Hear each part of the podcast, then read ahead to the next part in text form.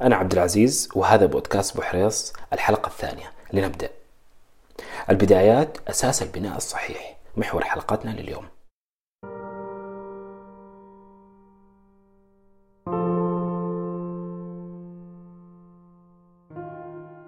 2011 كانت بداية أحد أهم نقاط التحول اللي مرت علي في حياتي وهي الغربة والدراسة خارج الوطن. كونك تعيش وحيد وتبني مرحلتك لوحدك تماما كان شيء جديد علي صراحة. وهنا كانت البداية الصفرية الأولى في حياتي. أستطيع أن أقول بأن عام 2011 هو تاريخ ورقم مميز بالنسبة لي. نورني لأهمية البدايات في حياتنا بشكل كامل. من أول ما نصحى من النوم لحد ما نرجع ننام وعلى مدار أيامنا أسابيعنا وشهورنا سنواتنا. فشلت تماما مع ما أسميها الآن بالبدايات الصحيحة. ولذلك أطلقت عليها البداية الصفرية الأولى. كنت في ذاك الوقت كاره المدينة اللي أنا فيها كاره المحيط اللي حواليا. كان هناك قناع كان هناك قناع يمنعني من مشاهدة جمال المدينة وجوانبها العظيمة وتفاصيلها المحفزة جدا في ذاك الوقت. بدأت بشكل خاطئ في كل شيء حتى الناس حتى الناس تعرفت على الناس الخطأ حتى الشوارع. حفظت الشوارع الخطأ. النتيجة لم أتعرف على المرحلة التي أنا بها بشكل صحيح والسبب بدايتي كانت خاطئة. لم أتغير. استمريت على ما أنا عليه من تخبط نتيجة لتلك البداية الصفرية والشنيعة. وتوقعا مني بأن هذه هي حياتي الحالية هذا روتيني وهذه دراستي وهذا بيتي.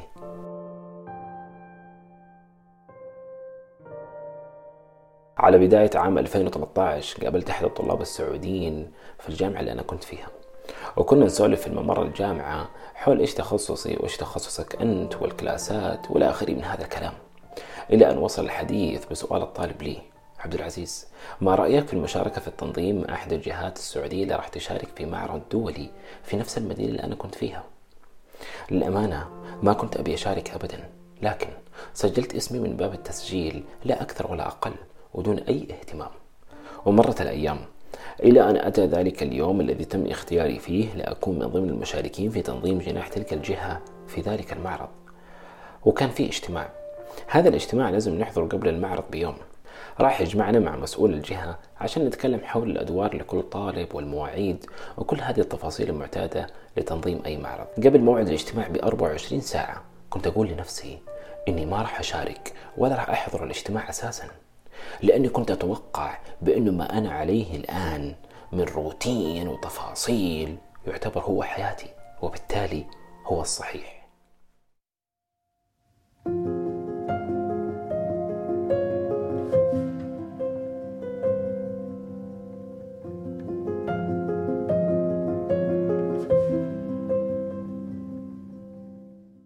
القصة تبدأ من ساعة الاجتماع.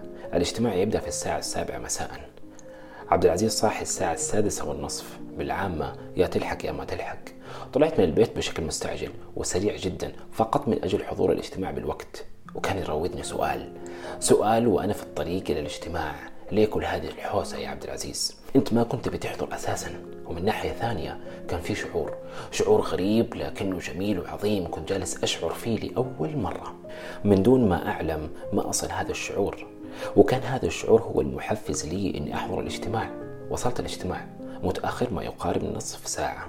اجتهدت من أجل أن أتدارى الوضع. وتداريت الوضع وجلست. أنا اليوم ما أتذكر إيش كان يدور في الاجتماع. لكن أتذكر شيء واحد فقط إني كنت جالس أتعرف على البداية الصحيحة اللي كان لازم أبدأها. أنا كنت جالس في الاجتماع ظاهريا وكأني أنا مركز مع الحضور والكلام مع المسؤول ولكن داخليا أنا كنت جالس أتعرف على البداية الصحيحة.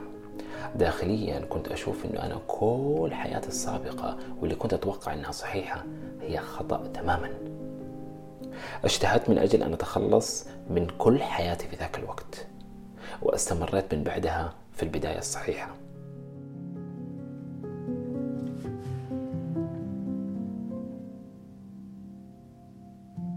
أصدقائي البدايات الصحيحة تعتمد على ثلاث كلمات مهمة جدا من وجهة نظري الهدوء التركيز والوحدة.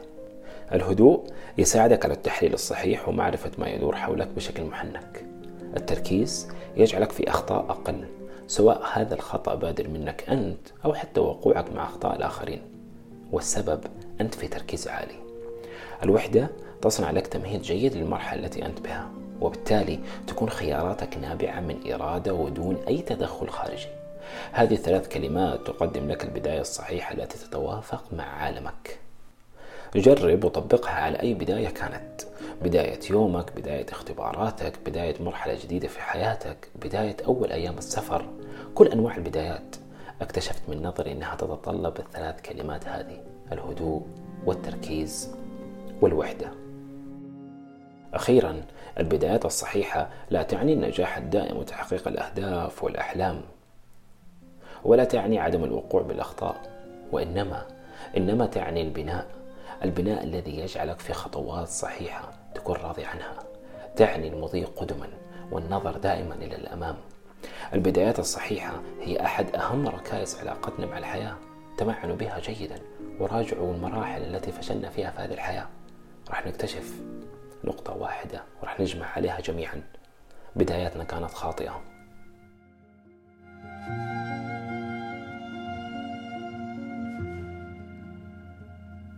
موعدنا الحلقة الجاية ومع محور جديد بحول الله. وفي حال عجبتكم الحلقة راح أكون ممتن جدا إذا شاركتوها مع من تحبون. دمتم بخير دوما وفالكم البداية الصحيحة دائما.